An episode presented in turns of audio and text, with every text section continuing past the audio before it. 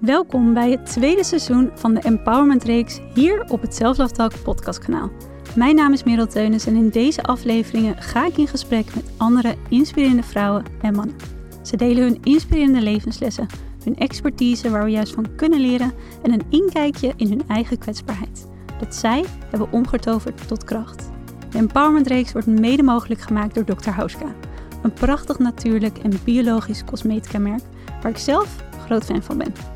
Maar daarover later meer. Ik stel je met veel liefde voor aan de gast van deze aflevering. Dat is namelijk niemand minder dan Mark Schalenberg. Mark is expert op het gebied van slaap, life coach en heeft een indrukwekkend verleden als oud-militair. Waarbij hij als 18-jarige voor het eerst werd uitgezonden naar het buitenland.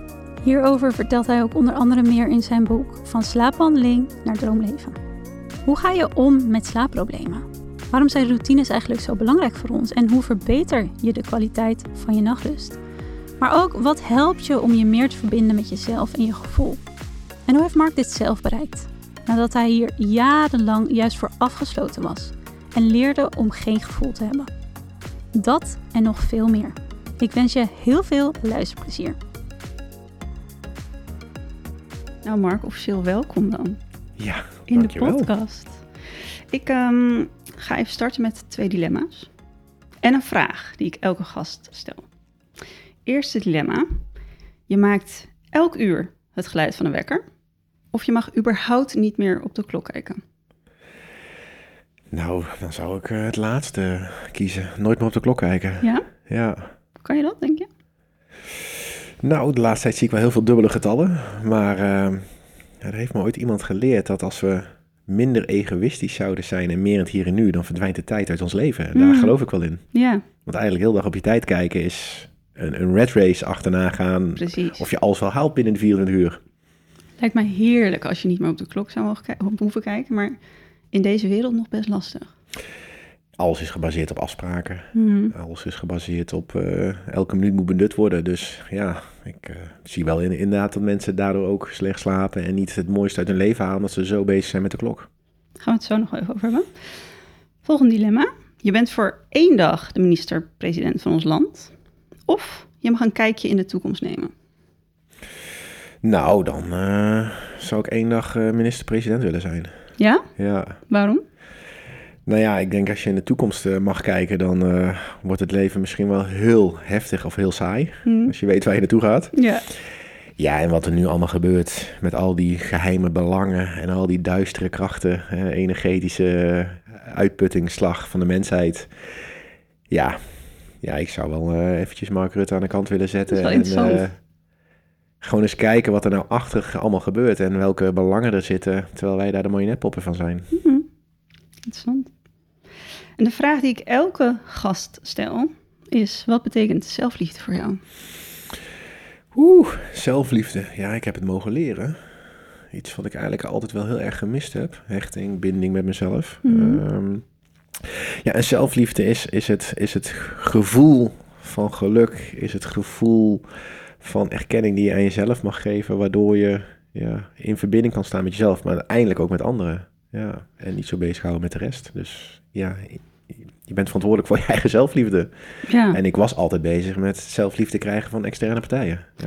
en dat is mooi wat je zegt. Want meestal als ik inderdaad de vraag stel: wat betekent zelfliefde voor je? Dan dan gaan we heel erg kijken: oké, wat is het resultaat daarvan? En er is natuurlijk niks mis mee, want dat is ook zelfliefde. Maar het mooie dat jij zegt: van dat is wat je jezelf dus geeft. Ja, ja, je bent verantwoordelijk voor je eigen leven. Dus Mhm. ook voor geluk, liefde, al die pijlers. Ja, we zijn helaas allemaal geënt op extern. Dus we doen alles van alles om maar het te kunnen krijgen van anderen. Ja, dat zo werkt het niet. Hmm. Waar is bij jou die zoektocht misschien begonnen naar zelfliefde? Oeh, ik even teruggaan. Nou, ik werd als kind heel erg gepest. Dus ik was altijd een beetje buitenbeentje. Ik deed niet mee met de groep. Ik, eh, groepsvorming was ik sowieso niet een held in. Toen dacht ik op een gegeven moment, weet je wat? Mensen vinden me geen man. Laat ik maar eens man worden. Toen ben ik militair geworden. Dus borstkastje trainen, eh, uitzendingen. Nou, als er ergens binnen Defensie weinig ruimte is voor zelfliefde, Mm. dan is het daar. Ik hoorde bij een eenheid in plaats van een eh, eenzaamheid. Ja. En in 2017 dacht ik, ja, welke rol ben ik nou aan het bekleden? Ben, ik, ben, ik ben gewoon zo leeg van binnen. Ik ben alleen maar erkenning aan het zoeken. Ik ben alleen maar opleidingen aan het doen. En dat resulteerde ook wel in dat ik geen goede verbinding had met mijn ouders. Uh, omdat ik een conveus kindje was, maar ook omdat mijn vader er gewoon niet veel was. Die was altijd werken. Ja, en toen ben ik eigenlijk aan de slag gegaan met mezelf. Ja, en dan komt in één keer het stukje liefde, zelfliefde. Ja, ja en ik, vroeger, vroeger was natuurlijk liefde de liefdesbrief die ik ooit geschreven heb naar, uh, naar een meisje. En uiteindelijk werd ik daar gepest, want die ging door heel de, de school heen. Ja, dat was mijn eerste afwijzing in liefde. Ja, ja, ja en dan, ga dan maar eens kijken wat zelfliefde is. Want ja, als iemand jouw liefde niet wil, hoe moet ik dan zelfliefde geven? Precies. Dus eigenlijk vanaf 2017 ben ik um, ja, op zoek gegaan naar mijn authentische markt. Het klinkt zo lekker. Maar ik bedoel meer van, ik was altijd bezig met een marketingmarkt. Dus altijd met de buitenkant, externe factoren. En toen ben ik op zoek gaan naar mijzelf. Ja, en nu ik vader ben, weet ik helemaal wat liefde krijgen is. Maar ook wat liefde geven is. Maar ook mm. vooral de zelfliefde. Want ik bedoel, ik word nu gespiegeld. Ja. Dus ja, hoe minder ik van mezelf hou, hoe turbulenter mijn, mijn zoon is. Ja. Maar mooi dat je dat ook zo kan zien. Van dat daar dus ook een link zit in wat de relatie nu inderdaad met je zoon is. En wat dat er jou over jezelf ook weer vertelt. Ja, je kinderen zijn de spiegels. Ja, enorm. En uh, dat vergeten we. Kijk, het, het, wordt altijd een betere versie van jezelf, ben ik van mening. En ik denk als je dat als ouders ook durft te zien, dan komen zij ook in een mooie ontwikkeling. Maar hoe de band is met je eigen ouders, dat is vaak ook de band met je kinderen. Hmm. Dus ja, word je niet losgelaten door je ouders, durf je kinderen niet losgelaten. Nou, ik, ik, durfde mijn vader niet te vertrouwen, omdat hij er niet was. Ja, dus waarschijnlijk durfde mijn kind mij ook niet te vertrouwen. Ja, daar, daar ben ik aan de slag mee gegaan. En ja, de blik die hij nu in zijn ogen heeft, spreekt boekdelen, ja. Mooi. Hoe kom je daarachter dat, of hoe, welk pad heb je bewandeld om achter dat soort, nou misschien overtuigingen te komen die jij hebt in relatie tot je jeugd, tot je ouders, waarvan je merkte, nou dat zit mij best wel in de weg nu om misschien die hmm. waardevolle verbinding met mezelf te kunnen hebben? Nou ja, ik denk dat ik altijd gevoeld heb dat ik heel, ja, ik vind het niet echt een mooie woord, hè, hoogsensitief. Nee, hmm. ik stond gewoon heel erg open en ja, ik, ik ik werd eigenlijk een beetje de kop ingedrukt. Dus een beetje klein gehouden, geconditioneerd. Uh, vanuit mijn ouders, het zijn twee schatten van de mensen, maar ook zij hadden geen liefde gekregen van hun hmm. ouders. Dus ja, wat gebeurt er dan? Het wordt zo doorgegeven naar de volgende generatie. Maar ja, toen ik als kind zijn, wist ik dat natuurlijk niet. Want je, ik, deed, ik deed van alles om maar liefde te krijgen. Um, ja, en binnen Defensie was ik altijd bezig met de buitenkant afgetraind, sixpack, vrouwenbetten jagen, uh, op die manier liefde krijgen. Ja, en op een gegeven moment kreeg ik de juiste coaches om mij heen naar mijn eerste missie. Ben in 2006 naar Oeruzgan geweest. Nou ja, voor de mensen Afghanistan, gevechtsmissie. We werden allemaal gebrainwashed. je was jong, hè? Ik was 18 jaar. Gebrainwashed, dat is de vijand. En alles wat een baard heeft en uh, iets met de islam heeft, dan uh, wordt het schieten geblazen. Ja, en ik dacht dat dat de waarheid was waarom moesten wij in Afghanistan gaan vechten? Kijk, nu denk ik er heel anders over. Maar ja, dat was dan mijn status, mijn rol. Ja. En in plaats van ehm, eh, te gaan voelen, ging ik juist alleen maar meer in de controle zitten. Dus ik ging nog harder sporten, nog meer diëten, uh, nog meer feesten. Ja, en op een gegeven moment word je ouder en wijzer. En ik, heb heel, ik ben eigenlijk vanaf 2006 in coaching gegaan bij verschillende coaches. En die hebben echt eigenlijk altijd gezegd... Ja, Mark, weet je, jij bent zo'n diamant, maar je ziet het zelf nog niet.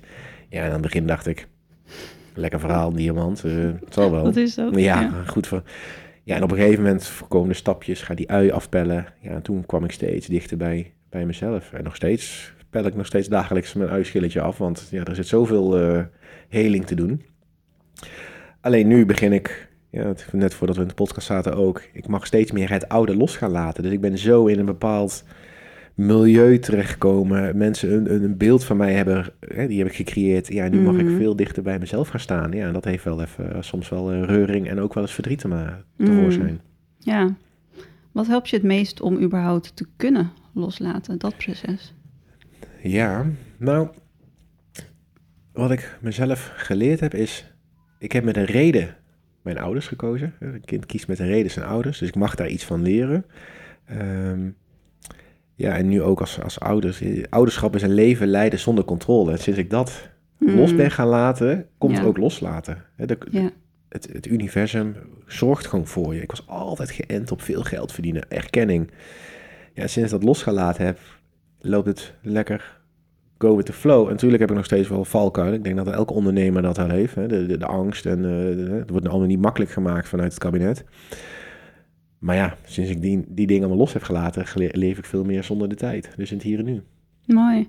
Mooi ook wat je zegt, want dat is natuurlijk wel vaak ook het willen van erkenning, bezig zijn met wat anderen van mij denken. En in principe, daar is natuurlijk niks mis mee. We kunnen, we kunnen het ook neerzetten als dat is, dat is slecht en dat is altijd angstprogrammering. Maar nou ja, ik vind het wel interessant ook wat jij zegt van zeker die transformatie van wat je nu hebt en dat je nou ja, ook uiteindelijk bij Defensie een carrière bent gestart. Hoe was dat voor jou? Want ik merk nu, of nu zeg je, en ik denk dat dat ook heel erg mee te maken, je staat nu veel meer in verbinding met je gevoel. Want überhaupt om erachter te kunnen komen van wat speelt er van binnen, is gevoel natuurlijk heel belangrijk. Hoe was die transformatie van zo'n baan vervullen en zo'n leven leven naar nu? Ja, nou ja, ik ging van eenheid naar eenzaamheid. Ehm, heel veel rouw en verdriet. Maar ik, toen ik als kind zijnde voelde ik al heel veel. Mijn onderbuik vertelde me eigenlijk al dingetjes, maar daar werd ik op ja, gepest. Dus, Ja. Maar ook door mijn ouders werd het ene gezegd en het andere gedaan. Hè. De grootste trauma's bij kinderen komen voort uit het niet mogen voelen. Hè. Stop met Mhm. huilen, stel je niet aan, Precies. wees niet zo verlegen. Maar ja, ik wist niet beter. En toen ik Defensie uitstapte, ja, toen dacht ik van... Oké, ik hoorde bij een groep. Ik had medailles, ik had rang, ik, ik, wow, ik was van alles. Iedereen vond me heel stoer. Naar, mijn naam is Mark, en wat nu? en wat nu? Ja, en, en toen ben ik eigenlijk een jaar ben ik, ja, niks gaan doen. Ik ging in Amsterdam wonen en ik ging gewoon, ja, een beetje mensen coachen, een beetje living the life. Ik had wat spaargeld opgespaard om zo mijn huur voor een heel jaar af te betalen en gewoon met mezelf aan de slag te gaan. Ja. Ja, en dat heeft wel, ik vond het wel heel lastig, want Vroeger toen we jong waren, toen kon je altijd gaan spelen met iedereen als je, als je vrij was op school. Ja, nu was iedereen werken, en zat ik daar thuis. En ik wilde afspreken en overal bij zijn. Ik wilde eenheid creëren. Maar eigenlijk kwam ik erachter dat ik gewoon met 99% van de mensen met wie ik omging helemaal niet meer matchte. Het was allemaal vanuit verkeerde intentie, verkeerde verbindingen. Ja, het, het matchte gewoon niet. Ik dacht echt van, jezus, ik word hier leeggezogen. Of, Mm. wow, wat ben ik hard mijn best aan het doen. Hè? Ik was altijd mensen WhatsAppjes aan het sturen. Maar er kwam nooit een WhatsAppje terug van, hé, hey, hoe is het met jou? Of als ik iets las, dacht ik, oh, dit is volgens mij zo'n auto-reply. Nou, ik stuurde het naar andere vrienden. Ja, en daar moest ik echt doorheen. Dus er is heel veel rouw bij gekomen. En Ja, onrust. Heel veel onrust. Eh, dus ook op zoek naar het vluchtige leven gegaan. Dus hè, lekker daten, tinderen, al dat soort dingen. En dan denk hey, lekker gesprekjes. Maar ja, dat kwam ook niet dieper dan eh, de oppervlakkigheid. En ja, vooral- ik denk dat vooral ook wel gekomen is sinds ik mijn, nu mijn vrouw ben tegengekomen. Toen moest ik echt met de billen bloot. Dus Hmm. toen kwam ik haar tegen. Ik was de macho man. Uiteindelijk kwam ik er net van achter dat zij net zo gek was als ik. Ja, en toen moest ik helemaal de ware Mark laten zien, want anders kan je geen relatie opbouwen. En dat heeft wel echt voor mij... Ja, het, zij was eigenlijk hetgeen wat ik altijd miste in mijn leven. Een verbinding, een liefde, mooi. maar ook mezelf mogen zijn. Want ik was altijd een beetje de perfect guy om maar alles bij elkaar te houden en niet te hopen dat iemand weg zou gaan. Want ja, dan was ik weer bang om alleen te zijn. Hmm. En wel mooi wat je zegt daarin ook van eindelijk jezelf kunnen zijn. Zeker wat je ook zei van, nou ja, je werd gepest in het verleden en daarin wat je eigenlijk voelde, dat mocht er nooit zijn. Waardoor we misschien, en dat is denk ik voor heel veel mensen herkenbaar, en heel veel mensen hebben dat ook niet helemaal door, dat we een bepaalde identiteit gaan creëren en wordt gevormd, waardoor we een bepaald leven leven wat niet bij ons past. Maar ja, wat jij hebt gedaan is wel heel krachtig, want hoe stap je daar vanaf als je voelt van Ja. binnen, er is meer? Nou, bij mij kwam er heel veel onrust. Eh, ook heb ik natuurlijk hulp gehad van coaches. Dus ik ben, Ja. ik ben hulp gaan vragen. Terwijl je natuurlijk als kind zijnde geleerd wordt om geen hulp te vragen en alles zelf te moeten doen. Hè. Je mag ook bij examens nooit afkijken. Ehm, en binnen Defensie, ja, word je, emotie kan je uitschakelen. Ja, en dat mismatchte met me. En uiteindelijk durfde ik een stap te zetten met vallen en opstaan. En, Ja. en wat denk ik mijn kracht is geweest, is dat ik nooit een slachtoffer ben geweest van wat, alles wat in mijn leven is overkomen. Ja. Ik heb geleerd dat alles met een reden op je pad komt. En als je niet wil leren, komt het nog een keer terug en steeds harder. Net zolang tot je er iets aan gaat veranderen. Ja, en nou, nu wijs 35, eh, snap ik waarom ik al deze dingen heb mee moeten maken om de persoon nu te mogen zijn. Om nu anderen te helpen, te mogen spreken. Ehm, hè, ik, nu weet ik ook waarom ik vroeger zoveel gepest ben. Om nu te kunnen accepteren dat iedereen heeft wel eens een oordeel over me. Dat gaat nooit veranderen. Hoe hard ik ook werk, Ja. dat oordeel gaat nooit veranderen. Precies. Ja, en nu snap ik het, het spelletje. Is het lastig? Hell yeah, want ook Mm. ik verval er nog steeds in. Ook mijn kinderstukken worden aangesproken. Maar vooral het niet slachtoffer zijn. Dus niet in het verleden blijven kijken en Ja. hopen op de geweldige toekomst. Nee, ik ben echt door modder gegaan om nu die lotusbloem te mogen worden. Ja, en dat is een hele mooie wat je daar zegt. En toevallig had ik het laatst ook hier in coaching over. Ik heb ooit een keer in een, volgens mij was het een opleiding, en toen werd een van mijn klasgenoten toen door een leraar geconfronteerd van ja, maar jij zit nog heel erg in die slachtofferrol. En zij ging helemaal van, wat zeg je nou? Terwijl hij zei meteen, ja, maar het is niet, ik zeg niet dat je er schuldig aan bent. Het is iets in jouw verleden heeft nog veel meer macht over jou dan mag voor die toekomst die je wil. Ja, ja, mooi dat je dat. Ik denk dat heel veel mensen die nu luisteren zich herkennen en meteen in de, in de weerstand gaan. Zo- Mhm. Zo'n lekker na woord. We worden zo gevoed door conditioneringen, door Ja. dingen die we zien. Hè. De eerste zes jaar van ons leven is alles wat we bij onze ouders zien, wordt onze waarheid. Ja. Ja, wij zijn de mille- millennial generatie. Onze ouders zijn bijna allemaal slachtoffer, want de voorouders zijn nog heftiger slachtoffer. Is het niet vanwege de geloofsovertuigingen? Is het niet vanwege de strenge regels die ze hadden? Ja, er zit zo'n slachtofferpatroon in. Maar ja, er wordt natuurlijk ook, wordt er systematisch, wordt er trauma's gecreëerd om ons een slachtoffer te laten worden. Kijk maar wat er nu in de wereld gebeurt. Hè? Ja. Corona, Oekraïne, nou al die lockdowns, die poppenkast begint weer. Dus er wordt ook continu een bandje afgedraaid om ons ook in die slachtofferrol te blijven hangen. Hè? Slachtoffer en ziekte eh, creëer, of creëert angst en gaan we op zoek Ja. naar controle. Ja, waardoor we onszelf verliezen. Dus het is ook heel krachtig en, en je moet ook lef hebben om daar dus uit dat systeem te gaan stappen. Want dat betekent dat de verbinding met je ouders er nog steeds kan zijn, maar niet meer zoals die vroeger was toen jij nog een kind was. Ja, en daar heb ik heel, heel veel moeite mee gehad. Want Mhm. ja, ik stapte uit het gezin. Ik ben nog steeds nu wel door coaching verbonden. Maar ik moest mij losfrikken van uit hun overtuigingen. Ja, Ja. en dat merk ik zeker nu in ouderschap. Ja, heel veel mensen vinden er iets van hoe wij ons kind opvoeden. ja. ja. Waarom? Omdat wij niet meer meespelen met het standaard plaatje. Er wordt, ja, er wordt heel weinig nagedacht, omdat we in die slachtofferrol blijven hangen. Hmm. Nou ja, en het is ook wel interessant, want nou goed, ik zie dat natuurlijk zelf ook in mijn coaching. We staan heel vaak niet stil, zeker als volwassen mensen. Dan denken we, zijn nu toch volwassen. Die ouders en dat gezin en dat leven van vroeger, dat is daar. Maar zeker vanuit jouw coach en wat je nu ook leert over reïncarnatie. In hoeverre beïnvloedt ons dat nog steeds tot op de dag van vandaag? Ja, het zit gewoon, het zit gewoon in ons DNA. Eh, wat bedoel ik daarmee? Op het moment dat, dat er ejaculatie is, dus op het moment dat paps eh, eh, uiteindelijk gaat zorgen dat het eh, eicelletje bevrucht gaat worden, wordt de DNA van papa op dat moment al meegegeven. Dus als die geen liefde wist, hij was misschien met zijn hoofd bezig om, om de bankzaken te regelen. Hij was op dat moment eigenlijk met zijn gedachten bij het ontbijt, want hij moest zijn werk halen.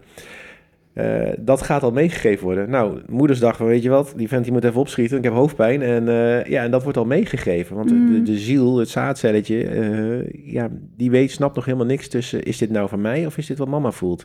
Dus angst wordt al doorgegeven. Daarom merk ik ook nu, ook met wat ik leer in reïncarnatie, is... Waarom blijven sommige landen een oorlogsland? Omdat gewoon in het DNA de oorlogsgenen gewoon doorgegeven worden. Want ja, ik bedoel, als opa gevochten heeft, dan geeft hij dat weer Mm. En, en, dat, en dat, dat is heel lastig. Dus daarom zijn het kind kiest met zijn reden voor zijn ouders. Hij mag daar iets van leren. Ja, en dan moet je wel een badass zijn als kind zijn om uit dat systeem te gaan stappen. Om te zeggen van ja, en hier en niet verder. Mhm. En durf je dat te veranderen, zal dat voor zeven generaties invloed hebben. Dus hetgeen Ja, wat ik bizar, gedaan hè? heb in, in mijn plantenmedicijn, in systeemopstellingen, in reïncarnatie, in alles wat had, heb, zorgt ervoor dat mijn zoon, en dat heb ik ook gezien, anders in de wereld staat dan waar ik mee. Want ik ben ook angstig op de wereld gekomen. Mijn moeder was bang dat ze geen kinderen kon krijgen, veel miskramen. Eh, ik ben te vroeg geboren. Ja, man, man, man, er zat geen liefde, verbinding en angst, weet je wel. Het zat, Ja. al in me, zit al in mijn DNA. Dus ik triggerde ook altijd heel snel op angstige situaties. Als ik ging parachute springen voor mijn werk, nou jongen, ik had al het idee dat het vliegtuig crashte, terwijl ik nog uit dat ding moest springen. Ja, maar er was gewoon iets wat in mijn DNA ja. zat, wat erop reageerde. Terwijl ik nog nooit wist hoe het was om uit een vliegtuig te springen. Mhm. En dat is voor veel mensen natuurlijk ook heel lastig. Van waar, en dat is wat ons brein natuurlijk wil. We willen altijd ergens een reden aan kunnen geven van wat maakt mij angstig. Of wat zorgt ervoor dat, of wat zorgt ervoor dat ik zo weinig liefde voel, of verbinding of emoties. En dat is dus ook al naar veel jonger te herleiden. Zeker, ja. Het begint natuurlijk in die eerste zes jaar. Dan wordt natuurlijk de waarheid gecreëerd door alles wat we meemaken. Daarna worden we onze eigen identiteit en gaan we er iets van vinden wat anderen.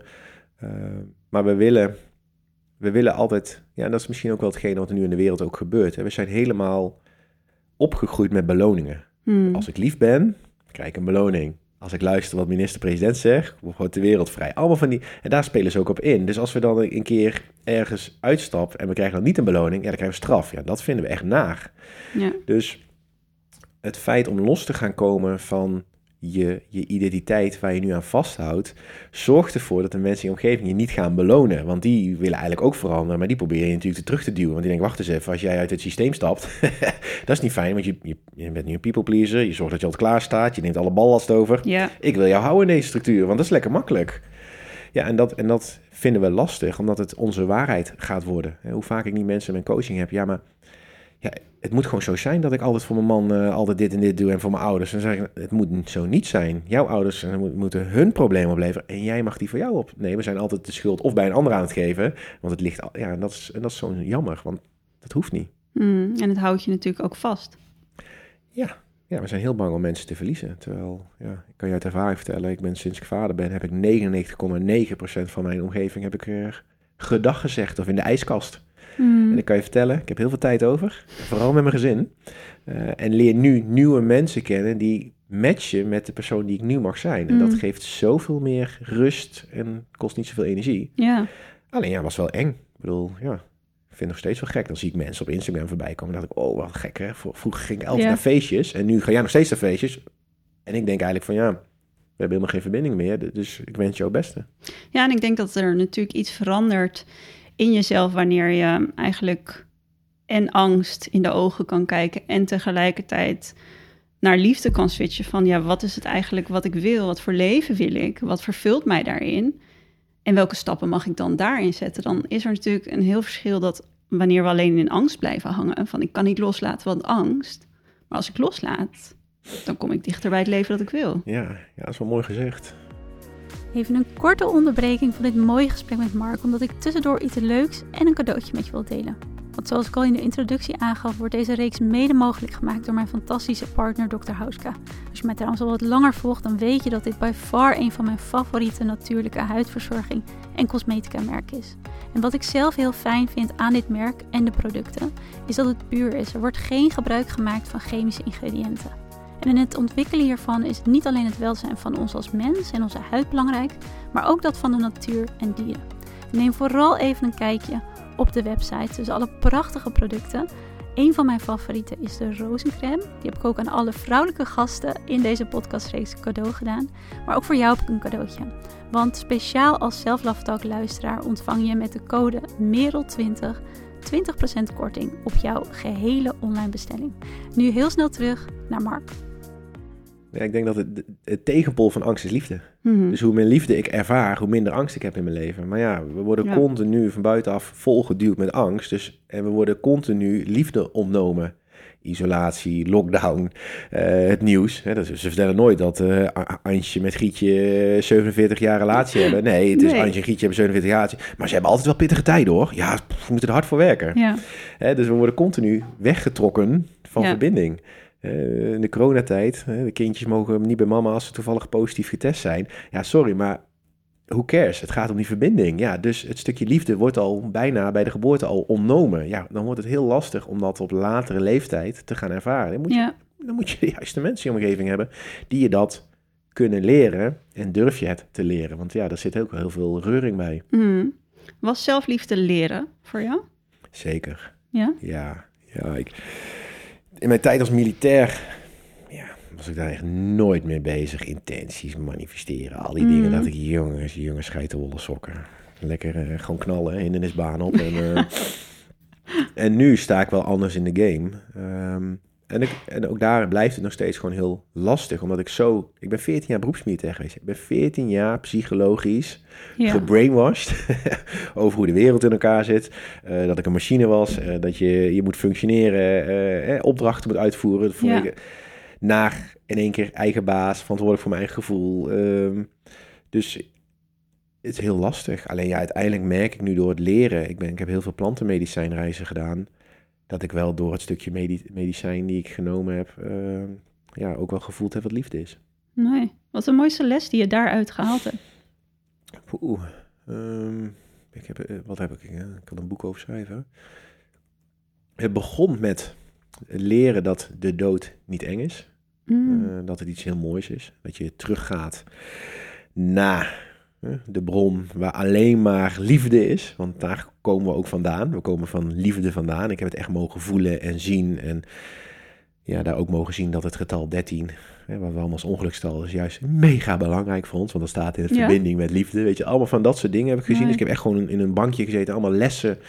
Ehm, maar ook vooral dat ik, als ik goed in mijn vel zit, dus goed liefde voel, wordt mijn omgeving ook liefdevoller. Gaat alles groeien. En, en dat heb ik heel vaak terug moeten zien, omdat ik best wel eh, opgegroeid ben vanuit een pessimistische kant. Dus ik wil heel snel ook wel de dark side inschieten. Mhm. Eh, zwart-wit, daarom ook al zwart-witte kleren onderhand aan.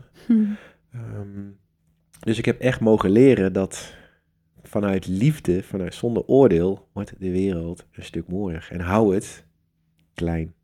Ja. Hou het klein. Ga niet nu al bezig zijn met wat er in eh Lutjebroek of weet ik wat moet gebeuren, maar begin eens eerst bij jezelf. ja, dat is mooi. Hè? Want dan heb je uiteindelijk toch wel dat druppel-effect, dat ripple-effect. Dat het vanuit jou, wat je ook net zei, van inderdaad die safe generatie dat doorgaat naar je eigen kind, daar weer door.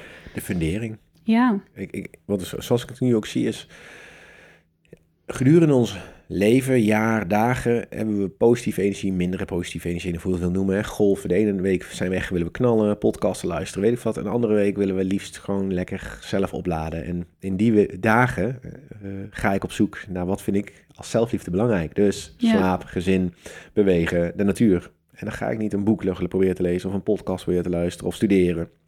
Dat doe ik wel in de dagen dat ik veel energie heb. En op die manier ja, leer je dus ook steeds meer je gevoel te voelen en ook te ervaren van, oh wacht, ik voel nu dat ik eh, ja, wat minder in mijn vel zit. Ah, wat vind ik belangrijk? Mm, Zelfliefde, rust, precies. mijn gezin.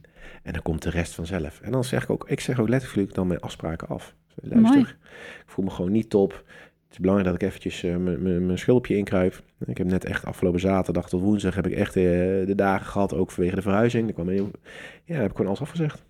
Ja, en, en hoe cares wat anderen ervan vinden, maar je kan beter gewoon eerlijk zijn dan, ze- dan een smoesje verzinnen. Ik ben, Mm. eh, weet je wel, de, de bus komt niet. Of, ja, en daardoor ga, gaat de liefde ook stromen, want dan heb je liefde voor jezelf. Want je beslist iets wat jij belangrijk vindt, in plaats van ik doe nu iets om die anderen te pleasen. Precies, en dat is heel mooi. Ik heb daar ook een keer in een podcast over gehad en dat ging over vriendschappen loslaten. En ik heb er toen heel veel reacties over gehad, want ik heb toen ook aangegeven van, ik ging bij mezelf op een gegeven moment nadenken van, hé, hey, wat vind ik nou eigenlijk belangrijk? En ik er- ervaarde in vriendschappen heel veel van, dat ik daarin voelde van, oké, ik kan nu niet aangeven wat eigenlijk belangrijk voor mij is. Dus bijvoorbeeld van, ik heb zo'n zware dag gehad, ik merk aan alles, ik wil gewoon lekker op de bank liggen, ik heb geen zin in dat etentje. Maar ik durfde dat niet aan te geven, want dan wist ik al, ik kreeg een weerwoord of iemand nam het persoonlijk. En op een gegeven moment ben ik toen ook door coaching gaan nadenken van, maar wat zou ik willen? Ik zou willen dat een vriendin eerlijk tegen mij is. Dat zij kan zeggen van, meer, ik zit even niet lekker in mijn vel, ik wil gewoon lekker op de bank. Vind het goed dat we elkaar volgende week zien. Dat is wat ik wil, dat is liefde voor mij. Ja. En toen dacht ik, ja, maar dan moet dat dus starten bij mij. En dan moet ik dat gaan doen. En als mensen daar niet bij passen, zelfs als ik het uitleg, dan, dan is dat gewoon geen match. Ja. En het mooie is wat ik ervaarde, nu heb ik alleen maar mensen om me heen die dat prima vinden, die dat waarderen. Ja, en dat is het mooi. mooie wat jij zegt. Als het bij jou gaat stromen, dan trek je dat dus ook aan. Ja, ja, dat is hè. Heel mooi dat je dat als voorbeeld geeft. En eh, dat stukje vriendschap vinden we heel lastig. Ik zeg altijd, hè, je, wordt, je, wordt, je wordt het gemiddelde van je vijf vrienden. Mhm. Ja, ik had er eentje die allemaal aan het opscheppen was. De ene die kwam zijn afspraken niet na. eh, et. Eh, en dan begon ik bijna ook. Dus ik begon ook op te scheppen. En ik begon ook mijn afspraken niet na te komen. Dat ik wacht even, maar dit is niet wie ik wil zijn. Mhm. Ehm, maar ja, daar ga je weer, hè, die identiteit. Hè, de, Ja. eh, bang zijn om anderen te kwetsen. Uiteindelijk kwets je dus jezelf. Ja. Ehm, het is wel mooi dat je dat, dat je dat aanhaalt. Want ik denk zeker ook als mensen dit nu weer luisteren. Heel veel mensen slapen ook slecht omdat ze niet de juiste vrienden in hun omgeving hebben. Omdat Ja. ze continu als een chameleon iedereen aan het pleasen zijn. En dat Ja. brandt op. Of niet de juiste partner hebben. Hoe lastig het ook is in deze tijd om überhaupt al een goede partner te krijgen. Ja. is het ook om te onderhouden. Ja, Mhm. ja, want dat is wel interessant. Daar hebben we het natuurlijk nog helemaal niet over gehad. Slaap. ja. Want jij bent ook slaapcoach, nou, naast dat je life coach bent en dus nog heel veel andere dingen doet. Waar, waar kwam de interesse in slaap vandaan? Ja. Ja, als kind zijnde, in mijn tijd dat ik pest was ik heel veel aan dagdromen en sliep ik ook wel slecht, want ik was echt aan het overleven. Uh, maar toen ik eigenlijk de controle inschoot, nou ja, nee, ik moet anders zeggen. In, in 2006 in Afghanistan heb ik midden in de nacht uh, een raket op de baas gehad, waardoor ik dus wakker geschud werd. Nou ja, wanneer ben je het minst veilig in de nacht? Ja. Um, maar ja, in plaats van daarover te spreken wat het met mij deed, sliep ik steeds lichter, want misschien gebeurt het morgen wel weer. En uiteindelijk ben ik doorgegaan, nooit over gesproken. Ja, als sporter, je bent nog jong, ambitieus, niet de gevolgen inzien wat slecht slapen met je doet. En in 2015 ben ik getraind om krijgsgevangene te zijn. Dus echt oranje overal. Uh, al die praktijken die we altijd in films zien. En, uh, de... en hoe maak je iemand krijgsgevangene? Is de slaap ontnemen, geen voeding, weinig beweging, geen daglicht, geen routines. En echt binnen, binnen twee dagen uh, word je een soort dier. Dus mensen krijgen dan de macht over je. Want je, ja. daarom vermoorden mensen elkaar. Want je, je, en toen dacht ik, na het behalen van die, van, die, van die opleiding, dacht ik zijn mensen dit niet in het dagelijks leven zichzelf ook mm. krijgsgevangenen aan het maken? Is het niet van het systeem, maar is het niet van, hun, van, van zichzelf? Ja, en toen begon de interesse van, ja, je kan nog zoveel eten, gezond eten, nog zoveel sporten, maar als je niet goed slaapt, dan verlies je uiteindelijk de game. Je wordt onzeker, je bent, uh, gaat meer liegen, je voeding wordt niet goed opgenomen, meer ontstekingen. Nou, ik kan heel de rij kan wel opnoemen, heel telefoongids aan symptomen. Maar ja, we gaven vroeger waarde aan mensen die weinig sliepen. Toen de industriële tijdperk kwam, was het, ja, hoe minder je slaapt, hoe meer geld je kan verdienen. Nou, waar gaan we allemaal heel lekker op tegenwoordig? Als ik maar veel geld verdien. Mhm. Dus ik offer mijn tijd op om geld te verdienen. Ja, en daar, daar voelde ik echt om de wereld te mogen veranderen vanuit liefde. dus niet vanuit onzekerheid en angst. Want je door slecht slapen word je ook veel angstiger. vooral omdat alles in je hersenen, uh, die filter weggaat ja, dacht ik, hier moet ik iets mee gaan doen. Ik moet mensen gaan in laten zien dat door goede slaap je veiligheid weer terugkomt, maar ook je beter de wereld aan kan. Ja, dat vinden we toch wel lastig. Want ja, ik liefst ja. alles overdag door laten draaien.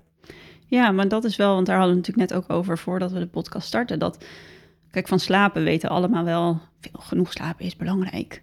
Maar ik denk dat we heel vaak niet inzien hoe belangrijk het is en op hoeveel vlakken letterlijk van ons emotionele welzijn, hoe we in ons vel zitten, um, de keuzes die we maken, de grenzen die we aangeven, dat het allemaal te maken ook heeft daarmee. Ja, ja, het is echt. Ja, zeg al, het is, het is zo bizar dat, me, dat mensen het niet willen weten. Hè? We, mm. um, maar door een avondje slecht slapen ga je al 70% langer doen over je werkzaamheden. De meeste mensen slapen slecht, omdat er iets in hun leven overdag niet lekker loopt. Niet de juiste relatie, niet de juiste baan, uh, kinderlijk gedrag blijven vertonen. Ja, maar het klinkt ook niet sexy. Ik bedoel, als wij zouden stappen en ik zeg tegen jou uh, om tien uur of, uh, van hey, luister, ik ga naar huis, want uh, om half tien moet ik mijn ja. avondroutine inzetten, of half elf. Ja, dan zeg jij, nou Mark, wat ben jij voor een watje? Ja, lekker saai. terwijl ik tegen jou zeg van, nou weet je wat, ik ga, ik ga naar huis, ik ga morgen sporten. Dan zegt iedereen, wow, goed mm. van je man, wow, ja. tof man, dat je gewoon sport. En, ja. want we zijn, daar komt hij weer, heel erg op zoek naar erkenning. Ja, en het is niet sexy als je erkenning zoekt in uh, ik slaap veel. nee, nee, we vinden het veel leuker om uh, een marathon te gaan rennen en daardoor een medaille te halen. Want dan krijg ik echt erkenning voor die 41 kilometer. Terwijl liever heb ik dat mensen gewoon 41 dagen goed gaan slapen. Dan krijgen ze van mij ook een medaille. En dan zullen ze zien dat ze uiteindelijk die marathon nog twee keer zo snel kunnen rennen. Ja. Ja, het is maar net wat uh, de waarde heeft van een prestatie, hè? Ja, ja, ja. dat is, dan kom je weer vanuit het kindsdeel. Mm. De beloningen, de, de, de, de please gedrag. We zijn zo geënt op dat materialistische beloningen. De, de medaille, de t-shirtjes, mhm. de, de, de, weet ik veel, kamerplanten. In plaats van de beloning voor je lichaam. Ja, dat is niet sexy, want uh, je moet nu leven. Want uh, wie weet ben ik morgen wel dood. Mm. Ja, dat klopt. Als je slecht geslapen, ga je een stuk sneller dood. Dat is wel zonde. Dat is best wel zonde. Ja, natuurlijk is de dood ook wel iets moois. Maar het is wel heel zonde zijn om mm. in dit vlezig le le leven, wat je nu mag leren, ja. Uh, je jezelf weer een halt toe roept om dingen te ondernemen. Ja, en is slapen, dat vind ik wel interessant. Er wordt altijd heel veel nou ja, gezegd over routines, ochtendroutine, avondroutine. Is die behoefte ook voor iedereen hetzelfde? Oeh, um, kijk, we hebben allemaal een interne klok. Ja. En die loopt heel de dag, als het goed is, uh, goed. Uh, en als die goed werkt, dan gaat je hormoonhuishouden goed lopen, je temperatuurverschilletjes. Eigenlijk alles zorgt ervoor dat het gewoon lekker in je lichaam draait. Maar ga je daar aan lopen sleutelen, ga je daar uh, stagnering in brengen, dan gaan dingen uit hun verband lopen. Ja, en aangezien we geen röntgenogen hebben en niet snel de effecten voelen, ja, loop je dus uit verband. En daardoor komen we uiteindelijk ook op gezondheidsproblemen. Buiten Mhm. natuurlijk de energetische krachten van gezondheidsproblemen. Maar heel veel gezondheidsproblemen komen vaak voort uit slecht slapen. Ja, en dat, daar, daar, is- daar, ik bedoel, als we slecht slapen, gaan meer eten. Meer eten is meer overgewicht. Meer overgewicht is minder sporten. Hè? Meer buikvet is meer snurken. Meer snurken is... En, Mm. en ja, en dan de hamsterwiel wordt alleen maar groter en groter. Precies. Ehm, hè, want je, je, je, je, je drang naar voedsel wordt steeds heftiger. Ja, dat is, met mensen gaan natuurlijk maximaal sporten. Daarom zou ik heel graag slaapcoach willen worden bij Big Diet. Die mensen worden heel de dag afgebeuld en eh, op een calorietekort gezet. Maar Ja. ja, is, is nog meer stress. Terwijl ik denk als je die mensen leert slapen en kijkt wat er energetisch in hun verleden fout gegaan is. Of nou, ja, klinkt misschien niet mooi- net een woord, maar wat niet lekker loopt. Of welke Mhm. pijn ze meedragen van anderen. Ik denk dat die mensen voor de rest van hun leven afvallen. Want die vallen energetische ballast af. Maar ja, dat is misschien voor tv niet de sensatie die we willen hebben. Mhm. Nee? We willen natuurlijk zien dat ze heel de dag met kettlebells de bergen op en af gaan. Ja, vreselijk. Ik kan het niet aanzien. nee, maar na een jaar zijn ze allemaal weer terug bij af. Want het Ja. innerlijke kind of het, het pijnpunt of het niet leren goed slapen is niet geleerd. Dus ze zullen weer terugvallen in oude patronen. Ja. Dus mensen hebben niet in de gaten hoe belangrijk slaap is. En dat komt omdat we dus heel de dag afgeleid worden, verdoofd zijn door Netflix, WhatsApp, Instagram. eh, en niet meer aan het voelen zijn wat het effect op ons lichaam heeft. ja, want we denken natuurlijk, en zo voelt het misschien ook, dat dat ontspanning is. Ja. Maar is dat echt ontspanning voor ons Nou lichaam? ja, kijk, door het, door het denken en een stuk controle zijn we de mens geworden die we nu zijn. Alleen het neemt nu wel echt de overhand. Hè? We zijn alleen maar nog aan het denken en we zijn alleen maar op zoek naar controle. Terwijl juist het gevoel, dat hele mooie onderbuikgevoel, of je, dat vertelt wat je, wat je daadwerkelijk mag voelen. Ik bedoel, Het grappige is ook met devices en zo. Heel veel mensen kijken nu alleen nog maar naar devices eh, om te slapen. Ik heb, ook, ik heb echt eentje om, voor een stappenteller. eh, maar omdat ik een bepaald doel heb op, op lichamelijk gebied. Maar naar die slaapscore kijk ik niet echt. Waarom? Ik ga ook niet elke dag een thermometer in mijn pak melk stoppen... om te kijken of mijn koelkast wel gewerkt heeft.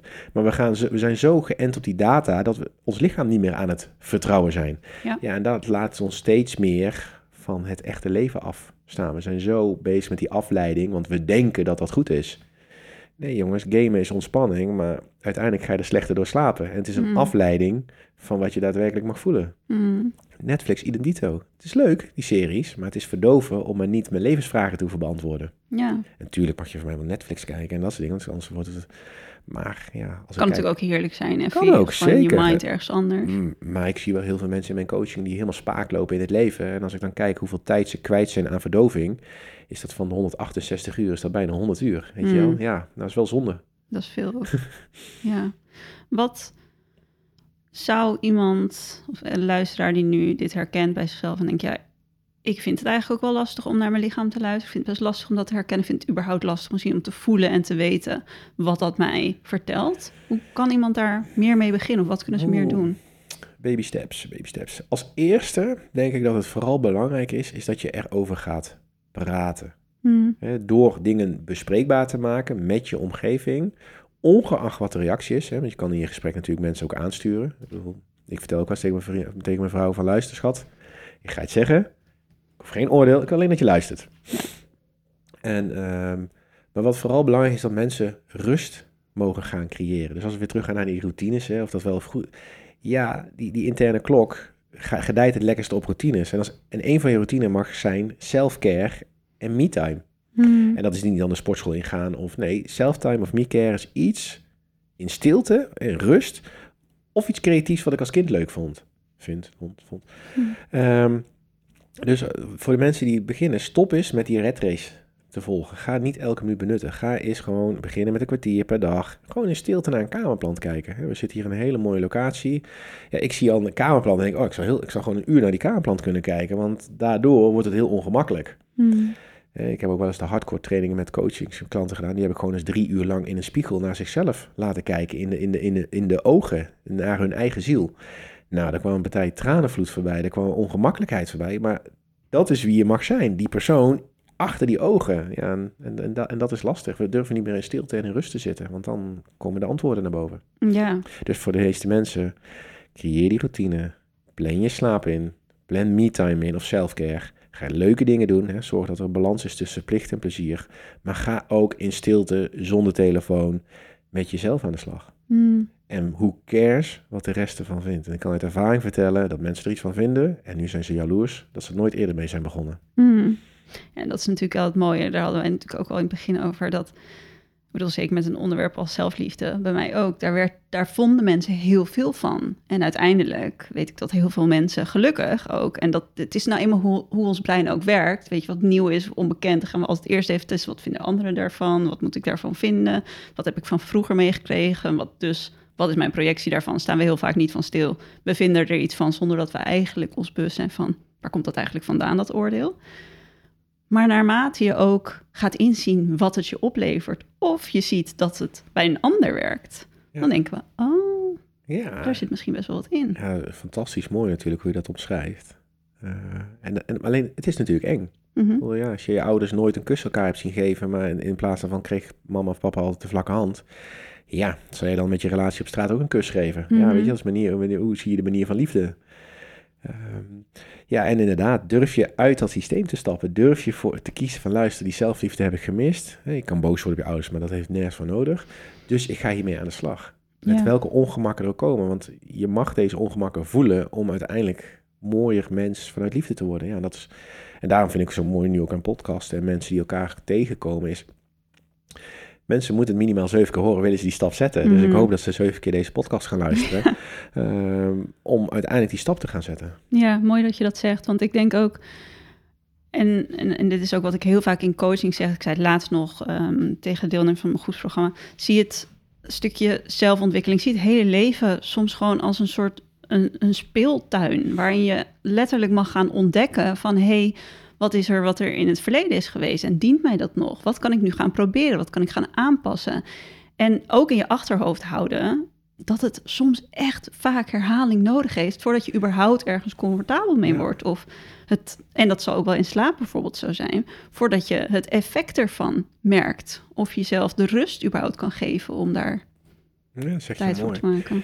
Ja, ik geloof heel erg dat wij spirituele wezens zijn in het aardse leven. En we zijn hier om te leren. Mhm. Alleen, er worden zoveel afleidingen gecreëerd dat we niet kunnen en durven te leren. Hè? Dus ben je bereid om je leven als een mooi leerplan te zien met vallen en opstaan? Hè? De, de American Dream bestaat gewoon niet. Hè? Dat is vanuit mannelijke energie, doelen, targets.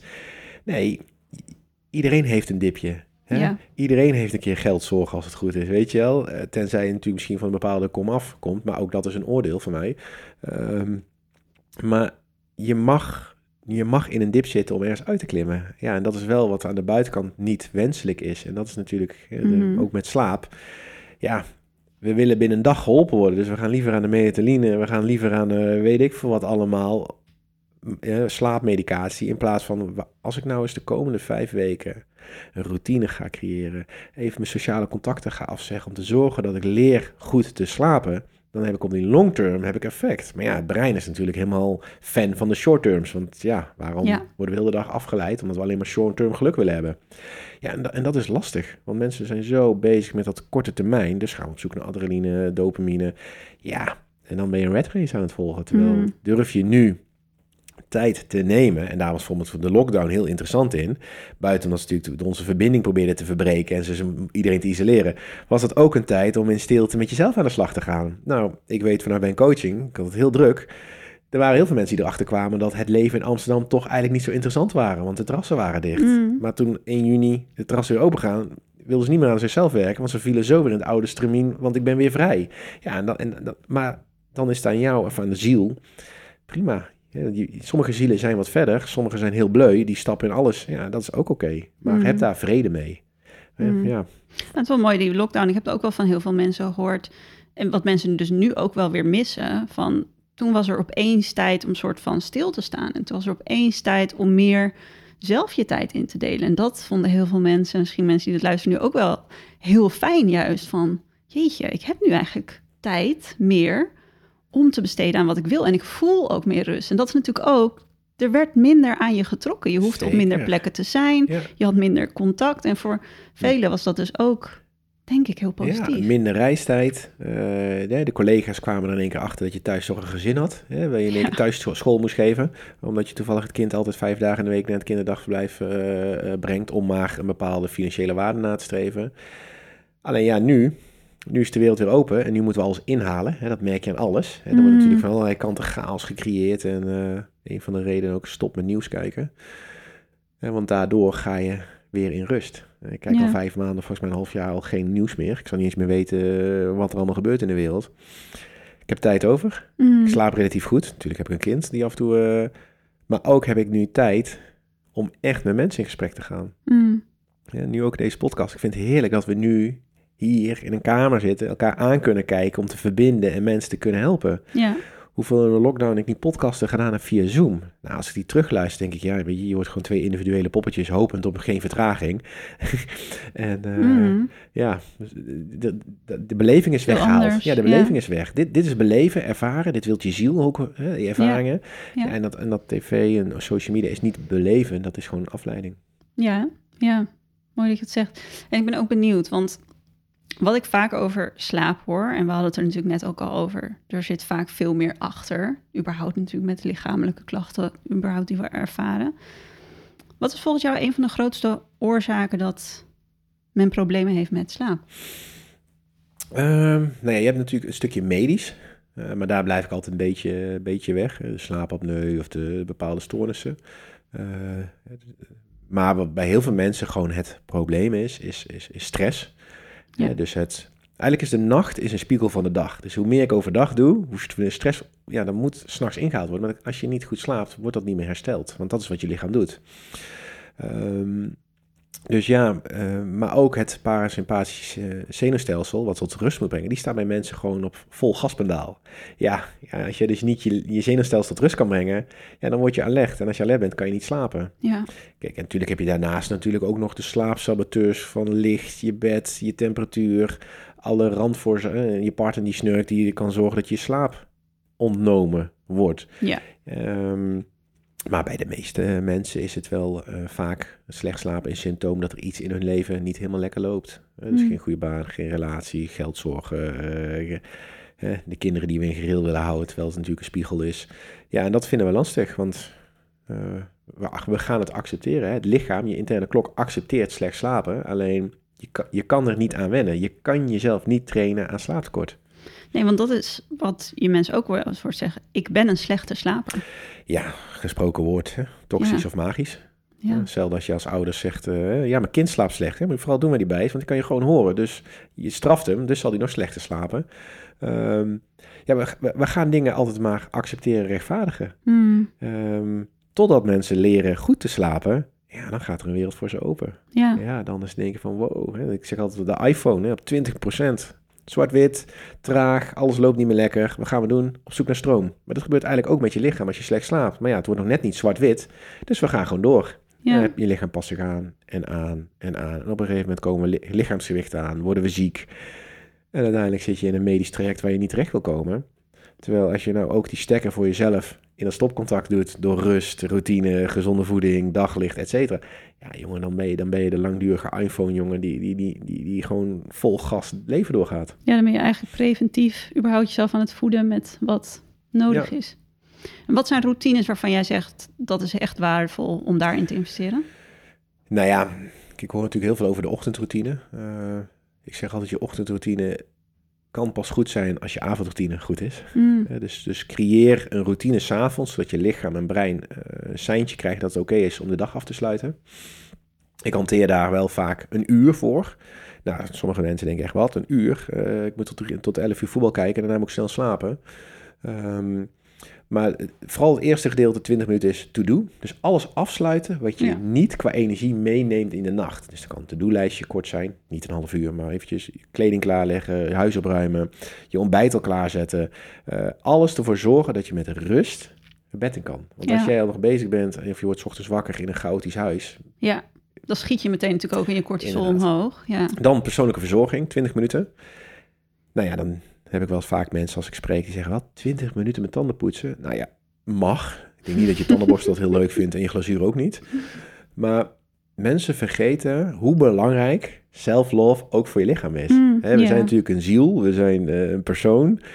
Maar dat vlezige, dat zorgt er wel voor dat we dingen kunnen doen. Precies. Dus als je Ja. daar niet de tijd voor neemt om dat ook te verzorgen. en Kijk, het hoeft mij niet met fancy eh, salfjes, maar neem er gewoon eens de tijd voor. Want de volgende dag heb je dat lichaam wel weer nodig om iets te bereiken. Precies. En de laatste 20 minuten is echt een, een, een ontspanning op de slaapkamer. Dan kan ademhalingsoefeningen, mediteren, seks. eh, misschien nog even een boek lezen. Maar ja, heb je al heel veel stof geconsumeerd overdag, dan is boeklezen niet altijd het ideale. Ja. Want dan is je brein echt helemaal verzadigd. Maar ja, dat vinden we heel vaak lastig. Om Hmm. dan echt in dat tempeltje te kruipen. Ik zeg ook altijd, ga gewoon huid tegen huid knuffelen met je partner. En ga je kwetsbaarheden vertellen. Want dan gaat die energie zo mooi stromen. Je valt goed in slaap. En uiteindelijk word je daar ook als stel eh, een stuk beter van.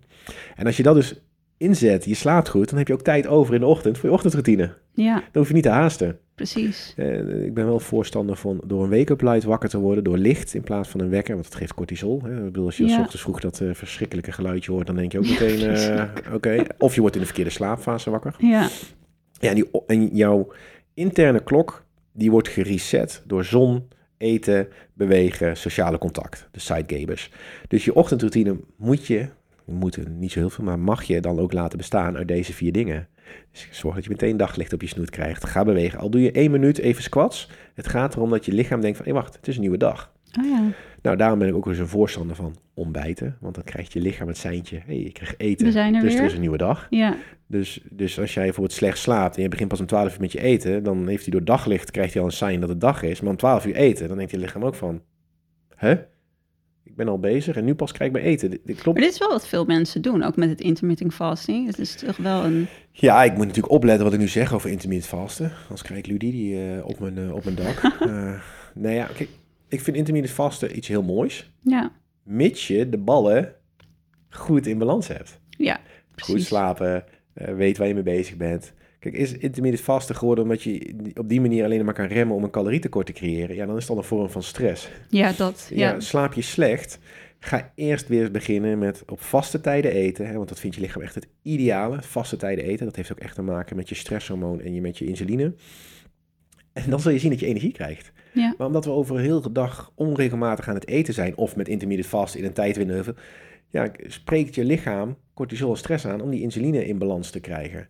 Dus ja, slaap je slecht, is je insuline eh, eh, productie, et cetera, wordt al veel minder of meer, of hoe je het eigenlijk, hè, ligt eraan welk kant je eh, kijkt bij mensen, maar ik bedoel, het wordt allemaal minder goed opgenomen. We maken meer insuline aan. Ja, uiteindelijk worden we daar eh, wat steviger van.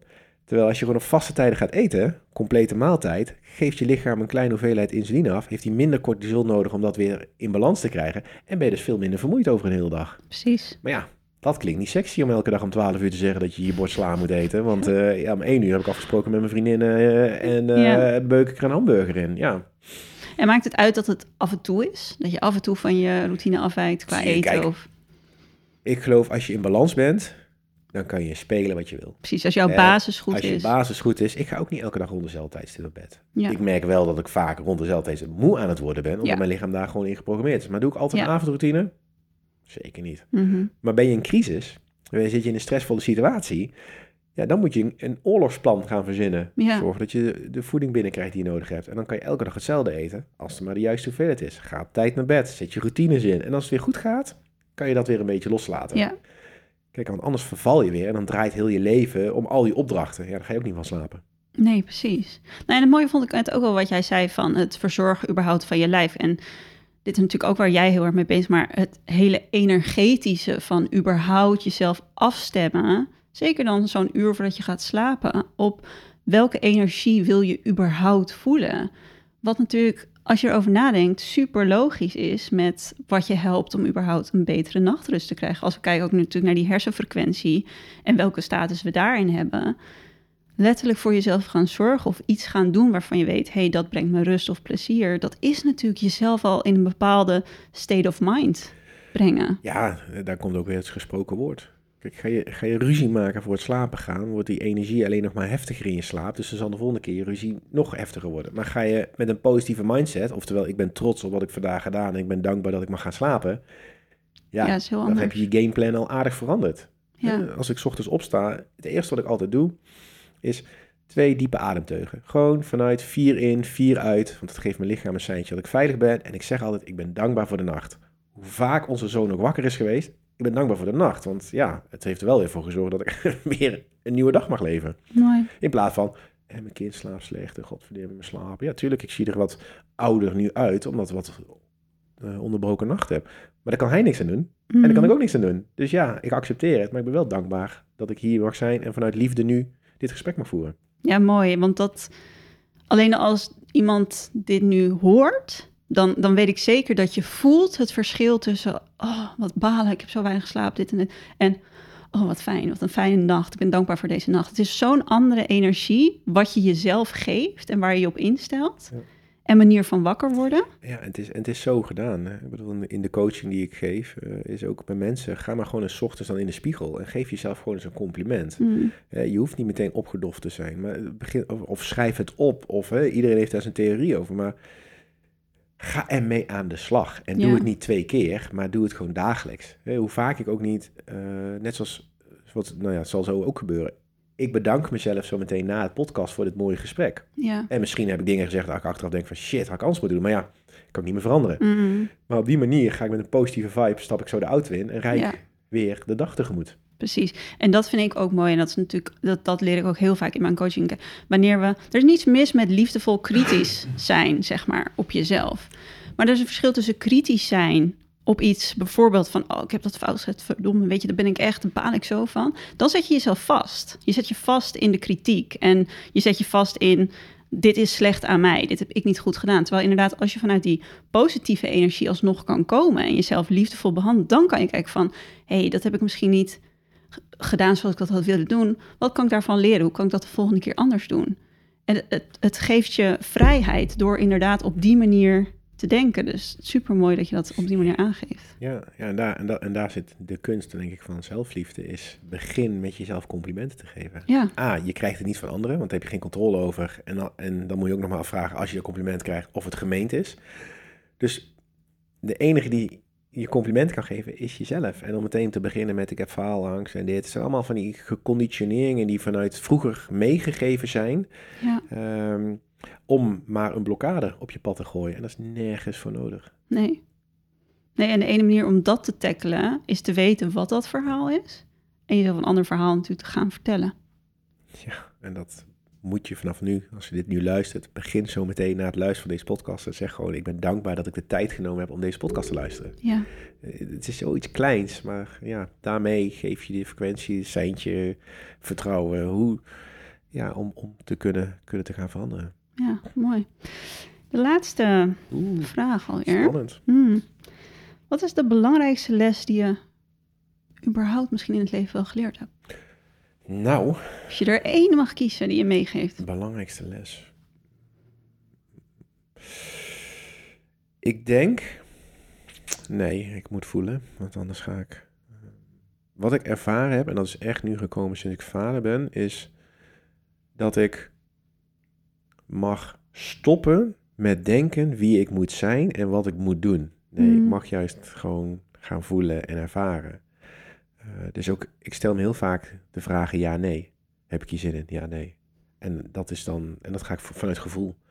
Ehm, en dat is wel iets wat ik nu als les lerende ben, maar ook een hele mooie les is dat het op mijn pad gekomen is. Want Ja. ik deed vanuit vroeger het please, het kindsdeel, eh, was het altijd ja, terwijl ik eigenlijk nee bedoelde. Ja, voor je het weet was mijn eh 14 jaar defensie voorbij. Voor je het weet eh, ben ik drie keer naar Rimini geweest en eh, ging naar een vakantieoord waar ik eigenlijk niet heen wilde. Ja, Mooi. En ook zo'n verandering, hè?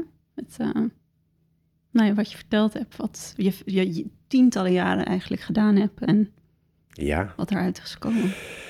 Ja, ja, gelukkig wel. Ik ben heel blij dat ik die stap gezet heb.